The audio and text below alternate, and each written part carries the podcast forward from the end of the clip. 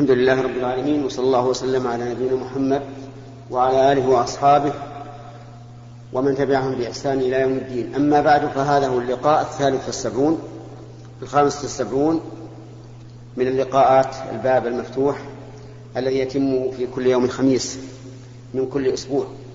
وهذا هو الخميس الثامن من شهر جماد الأولى عام خمسة عشر وأربعمائة وألف. نفتتح هذا اللقاء بتفسير بتفسير سورة الليل حيث قال الله تبارك وتعالى والليل إذا يغشى والنهار إذا تجلى وما خلق الذكر والأنثى إن سعيكم لشتى فأقسم الله سبحانه وتعالى بالليل إذا يغشى يعني حين يغشى الأرض ويغطيها بظلامه لأن الغشاء بمعنى الغطاء و والنهار إذا تجلى أي إذا ظهر وبان. وذلك بطلوع الفجر وذلك بطلوع الفجر الذي هو النور الذي هو مقدمة طلوع الشمس. والشمس هي آية النهار كما أن القمر آية الليل. وما خلق الذكر والأنثى يعني وخلق الذكر والأنثى على أحد التفسيرين الذي جعل ما هنا مصدرية. أو والذي خلق الذكر والأنثى وهو الله عز وجل على التفسير الآخر. فعلى المعنى الأول يكون يكون الله سبحانه وتعالى أقسم بخلق الذكر والأنثى وعلى الثاني يكون الله تعالى أقسم بنفسه لأنه هو الذي خلق الذكر والأنثى. إن سعيكم لشتى يعني إن عملكم لشتى أي لمتفرق تفرقا عظيما. فأنت ترى الآن أن الله أقسم بأشياء متضادة. على أشياء متضادة. الليل ضد النهار. الذكر ضد الأنثى. السعي متضاد. صالح وسيء. فتناسب المقسم به والمقسم عليه. وهذا من بلاغة القرآن. فكأن الله عز وجل يقول إن اختلاف الليل والنهار والذكر والأنثى أمر ظاهر لا يخفى فكذلك الأعمال أعمال العباد متباينة متفاوتة منها الصالح ومنها الفاسد ومنها ما. ما يخلط صالحا وفاسدا كل ذلك بتقدير الله عز وجل والله يهدي من يشاء إلى صراط مستقيم ثم فصل هذا السعي المتفرق فقال فأما من أعطى واتقى وصدق بالحسنى فسنيسره لليسرى. أما من أعطى أي أعطى ما أمر بإعطائه من مال أو جاه أو علم واتقى اتقى ما أمر باتقائه من المحرمات. وصدق بالحسنى أي صدق بالقولة الحسنى وهي قول, قول الله عز وجل وقول رسوله لأن أصدق الكلام وأحسن الكلام كلام الله عز وجل. فسنيسره لليسرى. السين هنا للتحقيق أي أن من أعطى واتقى وصدق بالحسنى فسيسره الله عز وجل لليسرى في أموره كلها في أمور دينه ودنياه. ولهذا تجد أيسر الناس عملا هو من اتقى الله عز وجل من أعطى واتقى وصدق بالحسنى. وكلما كان الإنسان أتقى لله كانت أموره أيسر له. قال الله تعالى ومن يتق الله يجعل له من أمره يسرا. وكلما كان الإنسان أبعد عن الله كان أشد عسرا في أموره. ولهذا قال وأما من بخل فلم يعط ما أمر بإعطائه واستغنى استغنى عن الله عز وجل ولم ولم يتق ربه بل رأى أنه في غنى عن رحمة الله نسأل الله العافية والسلامة وكذب بالحسنى أي بالقولة الحسنى وهي قول الله ورسوله فسنيسره للعسرى يسر للعسرى في أموره كلها. ولكن قد يأتي الشيطان للإنسان فيقول نجد أن الكفار تيسر أمورهم.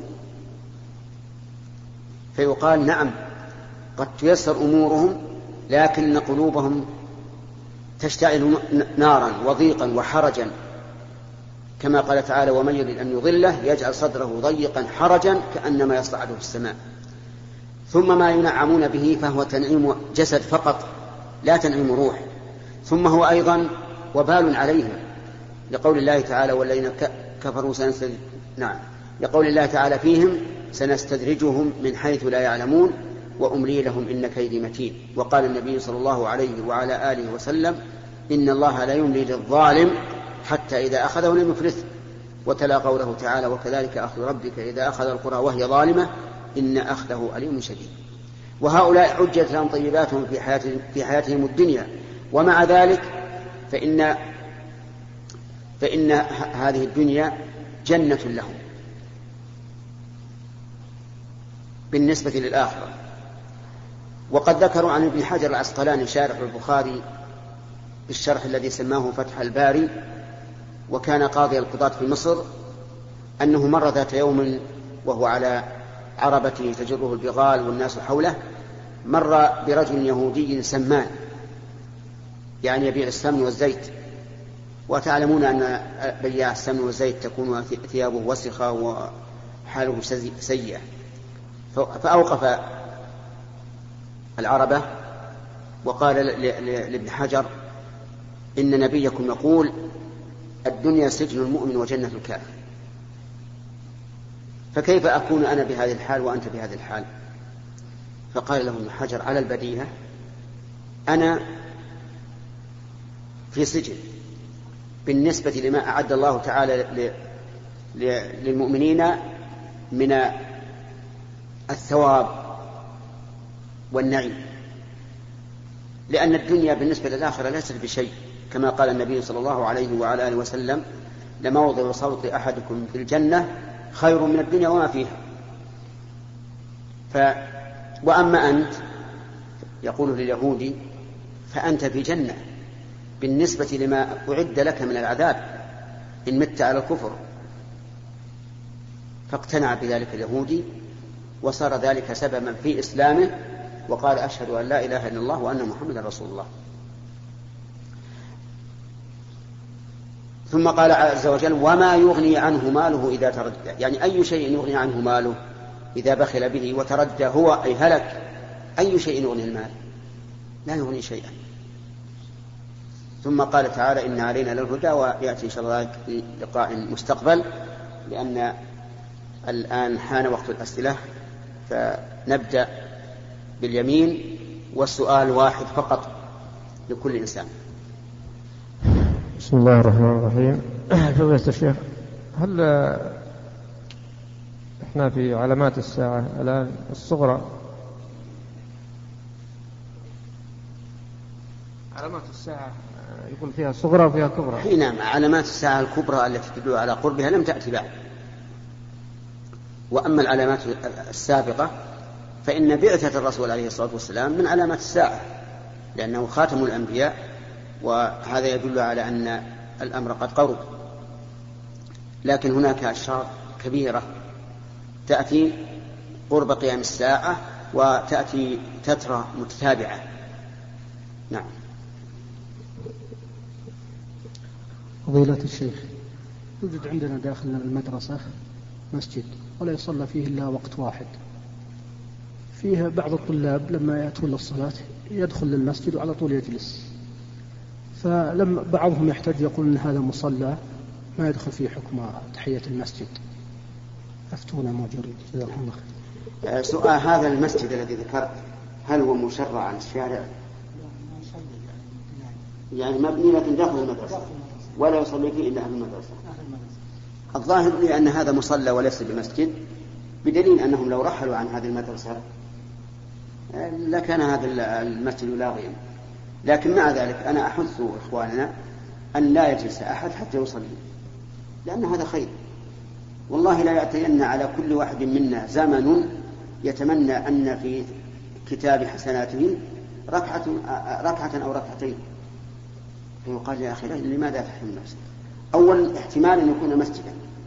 فيدخل في عموم قوله صلى الله عليه وعلى آله وسلم إذا دخل أحدكم المسجد فلا يجلس حتى يصلي ركعتين. ثانيا على فرض أنه ليس بالمسجد وهو الأظهر عندي صلي ركعتين. تنفعك عند الله عز وجل. السلام عليكم. أقول يا شيخ قال صلى الله عليه وسلم ما زمزم لما شرب قال قال. أعد أعد. قال رسول صلى الله عليه وسلم رسول. ما ما في أنه صلى الله عليه وسلم بينها. أي أقول قال رسول صلى قال الرسول صلى الله عليه وسلم ماء زمزم لما شرب له. نعم. السلام بعضهم يقول نعم. أنك تدعو قبل ما تشرب. فهل هذا له وجه وما له وجه؟ آه، الحديث ماء زمزم لما شرب له حديث حسن. ولكن ما معنى قول لما شرب له؟ هل معناه العموم؟ حتى لو شربه الإنسان ليكون عالما صار عالما. أو ليكون تاجرا صار تاجرا. أو المراد لما شرب له مما يتغذى به البدن فقط. بمعنى أنك إن شربته لإزالة العطش رويت أو لإزالة الجوع شبعت. الحديث ليس ليس صريحا في أنه لكل ما شرب له حتى لو كان خارج البدن. فالذي يظهر لي والله أعلم أن ماء زمزم لما شرب له مما يتغذى به البدن. بمعنى أنك لو اكتفيت به عن الطعام كفاك وعن الشراب كفاك وأما الدعاء عند شربه فقد استحبه كثير من العلماء أنه يدعو الله سبحانه وتعالى عند شربه نعم. يا شيخ الله يجزاك خير. ما الحكم في من يقول أن المصارية كلهم كذابين؟ أو الس... أن المصارية كلهم كذابين؟ أو السعودي المصارية كلهم كذابين. أو أو السعوديين. يعني هل تعتبر من العي... من الغيبة؟ إذا قال القائل إن المصريين كلهم كذبة والسعوديين كلهم خونة فهذا يعزر يعني يؤدبه الإمام على قوله. لأنه كاذب في كلامه. لا شك أنه كاذب في كلامه. يعني لو قدرنا في المصريين كذبة وفي السعوديين كذلك كذبها أو فجرها وما أشبه ذلك ليس كلهم. فإذا بلغ الحاكم قول هذا الرجل فالواجب أن يؤدبه أما بالنسبة للمصريين والسعوديين والعراقيين والشاميين فهذا لا يضرهم. لأنه عام. ولا أحد يصدقه بذلك. أفهمت؟ فصار الآن لنا وجهان. الوجه الأول بالنسبة لهذا القول الذي نسبه للعموم وهو كاذب فيه يجب أن يعذر عليه يؤدب. ثانيا بالنسبة لمن قيل فيهم هذا القول فإنه لا يضرهم شيئا لأن الناس يعرفون أن هذا الوصف لا يمكن أن ينطبق على الجميع. ولهذا قال الفقهاء رحمهم الله في باب في باب القذف قالوا إذا عزر جماع أهل بلد أي نعم قالوا إذا قذف أهل بلد بأن قال هؤلاء البلد كلهم زنات فإنه لا يحد حد القذف وإنما يعزر تعزيرا لأن لأن هذا القول لا يؤثر شيئا في أهل البلد كلهم. فضيلة الشيخ عفى الله عنك. جاءت نصوص تنهى وتحذر من التشبه بالكفار. وثبت أن النبي صلى الله عليه وسلم تكلم بلغة الكفار في قوله هذا سنة يوم خالد. وأيضا ثبت أنه حفر الخندق يعني ولم يعرف قبل أنه من طريقة المسلمين. فكيف الجمع بين النصوص؟ التشبه بالكفار بارك الله فيك فيما يختص بهم. لا في لغتهم ولا في صنع الأخذ من صنائعهم وتجاربهم. ولهذا أمر النبي صلى الله عليه وعلى آله وسلم زيد بن ثابت أن يتعلم لغة اليهود. أمره أمرا أن يتعلم لغة اليهود من أجل أن يستقبل كتبهم ويرد عليهم بلغتهم. وليس هذا من باب التشبه. التشبه أن يتشبه بما يختص بهم مثل أن يلبس كلباسهم أو يسمي بأسمائهم الخاصة بهم. أو ما أشبه ذلك. وأما التشبه بهم بما ينفع في الصنائع وغيرها فهذا لا بأس به. هنا. ما معنى خصائص يعني مثلا الآن هناك زي معين للكفار بلباسهم بحيث إذا رأيت هذا الرجل قلت هذا من الكافرين. هذا يحرم عليه. كذلك مثلا لو فرضنا شعورهم يجعلون على صفة معينة فهذا لا لا يجوز التشبه بهم أما ما كان خارجا هذا لا أثر له ولا يضر. الله يحفظك صفة المعية هل هي صفة ذاتية أم صفة فعل؟ نعم. آه، صفة المعية العامة ذاتية لأن الله تعالى لم يزل ولا يزال محيطا بعباده. وأما المعية الخاصة فهي من صفات الأفعال. لأن مقتضاها النصر والتأييد وهذا عن النصر والتأييد لا يكون إلا لمن يستحقه واستحقاقه إنما يكون بعمل حادث من الإنسان فتكون الصفة المترتبة عليه من صفات الأفعال. نعم. فضيلة الشيخ أثابكم الله سدد على الخير خطاكم. هل يشرع للعالم أن يقيم الحدود بنفسه كما ورد عن ابن تيمية رحمه الله تعالى؟ وأن يخرج مثلا يعزر الصبيان ويخرج كما أخرج يعني الحافظ المزي من السجن؟ لا. لا يجوز لأحد أن يفتات على الإمام. إقامة الحدود من شأن الإمام. إقامة التعزيرات من شأن الإمام. ولا يحل لأحد أن يفتات عليه. وأقول من شأن الإمام الإمام هو الرئيس الأعلى في الدولة. سواء سمي ملكا أو سمي رئيسا أو إماما أو أميرا أو شيخا. أو من ينيبه الإمام كأمراء المناطق ومحافظ المناطق وما أشبه ذلك. لكن للإنسان أن يؤدب ولده. وللإنسان أن يؤدب عبده. بل قال العلماء رحمهم الله للإنسان أن يقيم الحد على عبده إذا كان جلدا لا إذا كان قطع عضو وما أشبهه. فإن هذا إلى الإمام يقال هذا فعل أفراد ولا يحتج بأقوالهم. غاية ما هنالك أن يلتمس عذر لهم أو يكون هناك يعني ملابسات سوغت لهم أن يفعلوا ذلك. لأننا لو قلنا كل إنسان يقيم الحد كان كل إنسان يضرب الشخص على ما يبي. ولكن لماذا قال لأنه لماذا؟ قال لأنه أتى ما يجب الحد وصارت المسألة فوضى. نعم. بسم الله الرحمن الرحيم. فضيلة الشيخ في سؤال محرج شوية. يعني في مرأة عليها مس جن إذا أراد زوجها أن يجمعها يجامعها الجن يمنعه. ولما تقرأ يمنعه هو ولا يمنعه يمنعه هو. وإذا صار تقرأ قرآن بصوت عالي ما يستطيع الجن يمنعه. هل يجوز قراءة القرآن عند الجماع؟ في أثناء الجماع. نعم. تقرأ القرآن. لا بأس بذلك. إذا إذا كان لحاجة لا بأس. لكن عندما يحصل الجماع تكون هي جنوبا والزوج أيضا يكون جنوبا فلا تقرأ القرآن. لكن قبل ذلك ما دام لم يولج ذكره فلها أن تقرأ القرآن ولا بأس لأن هذا حاجة. نعم.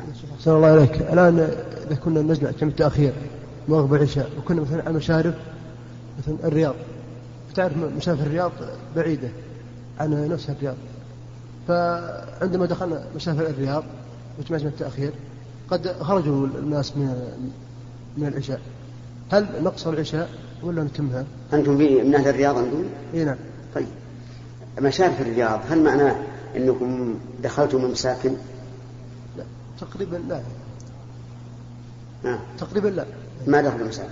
لكم أن تقصروا ما دام الإنسان لم يدخل مساكن البلد فله أن يقصر عليكم السلام. وأنا أعطيك قاعدة. إذا شككت في أنه زال سبب القصر أو هو باقي فالأصل بقاء. نعم. تفضل. شيخ عفى الله عنك.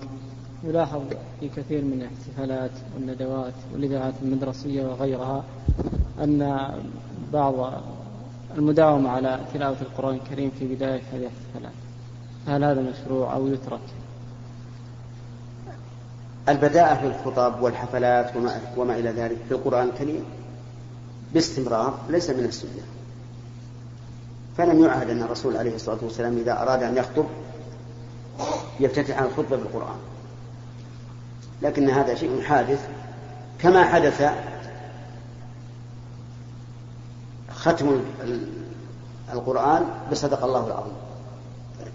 تجد بعض الناس كلما قرأ وانتهى من القراءة قال صدق الله العظيم. هذا أيضا من المحدثات التي لم تكن في عهد النبي صلى الله عليه وعلى آله وسلم ولا عهد أصحابه فلذلك لا ينبغي أن أن يجعل ابتداء الحفلات والندوات بالقرآن دائما. لكن لو كان لو كان هناك محاضرة وموضوع المحاضرة الصيام وأراد أحد أن يقرأ آيات الصيام في مقدمة المحاضرة فهذا لا بأس به لأن المقصود هو أن نستمع إلى الآيات التي في الصيام ثم آه، نبني المحاضرة على هذه الآيات. هنا. بعده فضيلة الشيخ جزاك الله خير. ما حكم الالتفات عند الحيالتين الالتفات عند الحيالتين من السنة.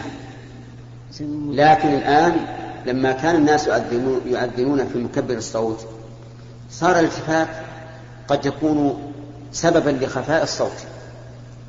لأنه إذا التفت لم يكن مقابلا للآلة اللاقطة وحينئذ يخفى الصوت. فالذي نرى في هذه الحال أنه يبقى متجها إلى الآلة اللاقطة بدون التفات. أما أما أما وضع اليدين في في الأذنين فنعم باقية لأن وضع الأصبعين في الأذنين يؤدي إلى قوة الصوت. نعم.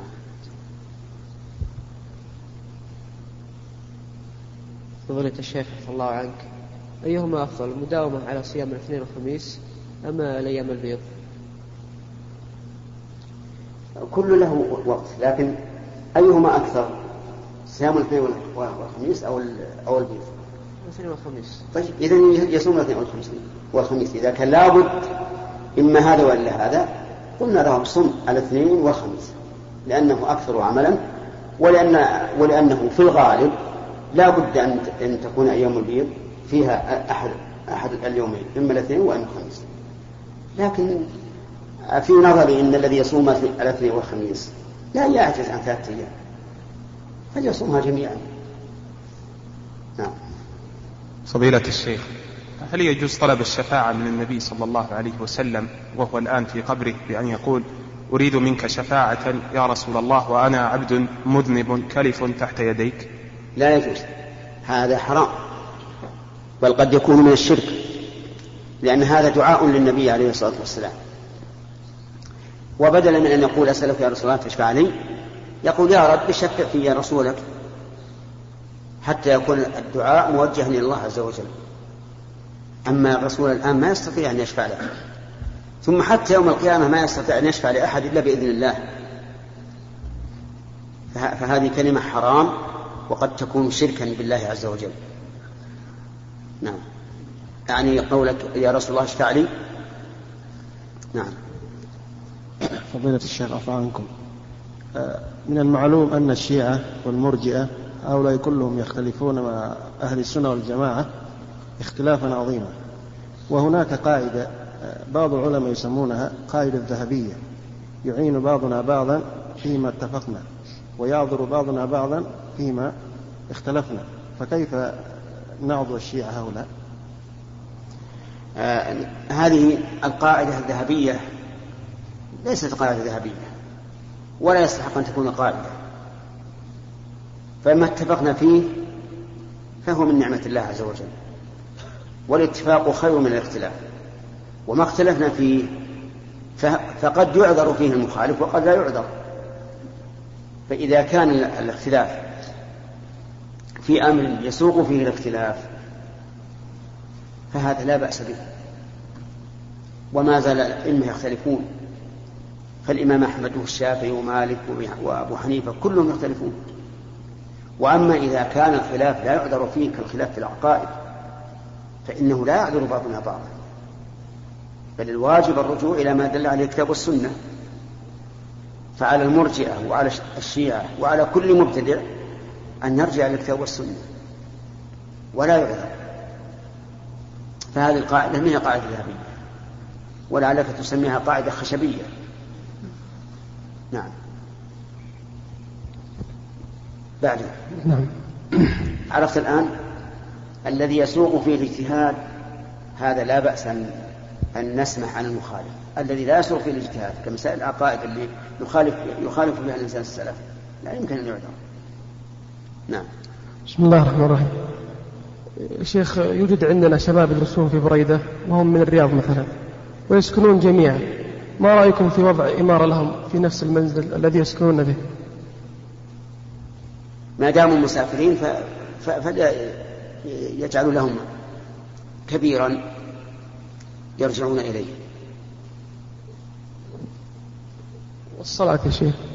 الصلاة يجب أن يصلوا مع الناس. لكن القصر لا يجب على كل إنسان في البلد أن يصلي مع الناس حتى وإن لم يجلس إلا يوم واحد.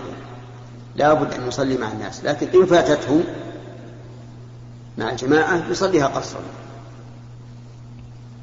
نعم. فضيلة الشيخ عفى الله عنك.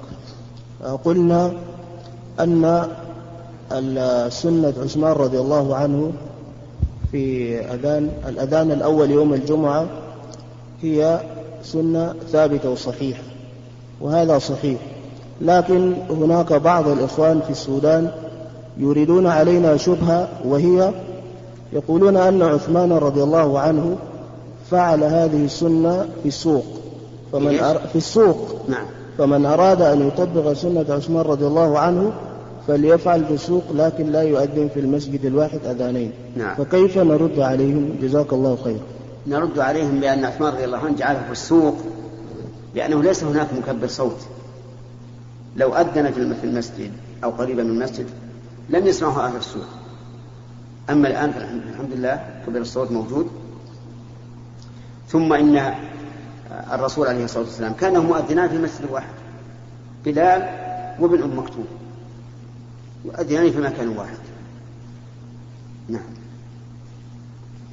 بعده.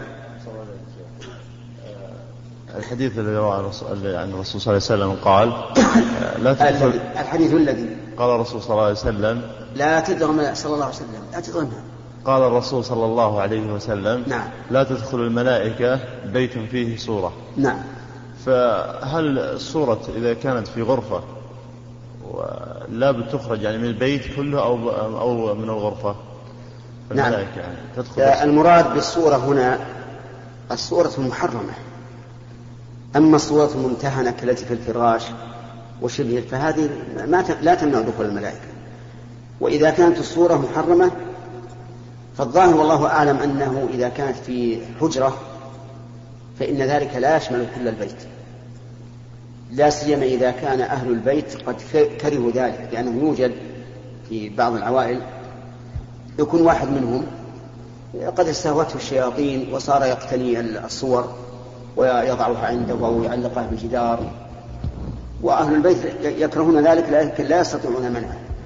ففي هذه الحال نقول إن أهل البيت الذين يكرهون ذلك لا تمتنع الملائكة من دخول بيتهم وأما الحجرة التي فيها الصور فإن الملائكة لا تدخل بيتا فيه صور نعم.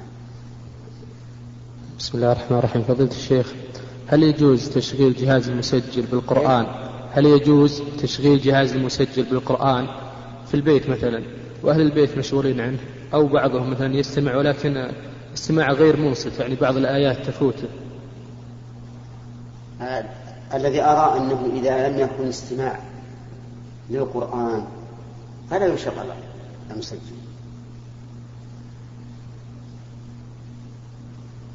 و... وإذا أراد الإنسان أن يسجل أن يستمع إلى المسجل فلينصت أو يغلقوه. أما كون كتاب الله يقرأ وهذا يشتغل في في شغل البيت في, في الكنس أو الطبخ أو إصلاح الأمور فهذا لا شك أن فيه غفلة عن كتاب الله. وأنه يخشى أن يكون من جنس فعل المشركين الذين قالوا لا تسمعوا لهذا القرآن والغوا فيه لعلكم تغلبون نعم قضية الشيخ قضية الشيخ هناك بعض الأناشيد التي يوجد بها لحن قد يوجب الفتنة فما حكمها؟ يجب أن أن تعلم قاعدة مفيدة وهي أن كل ما كان سببا في فتنة فإن الواجب منعه.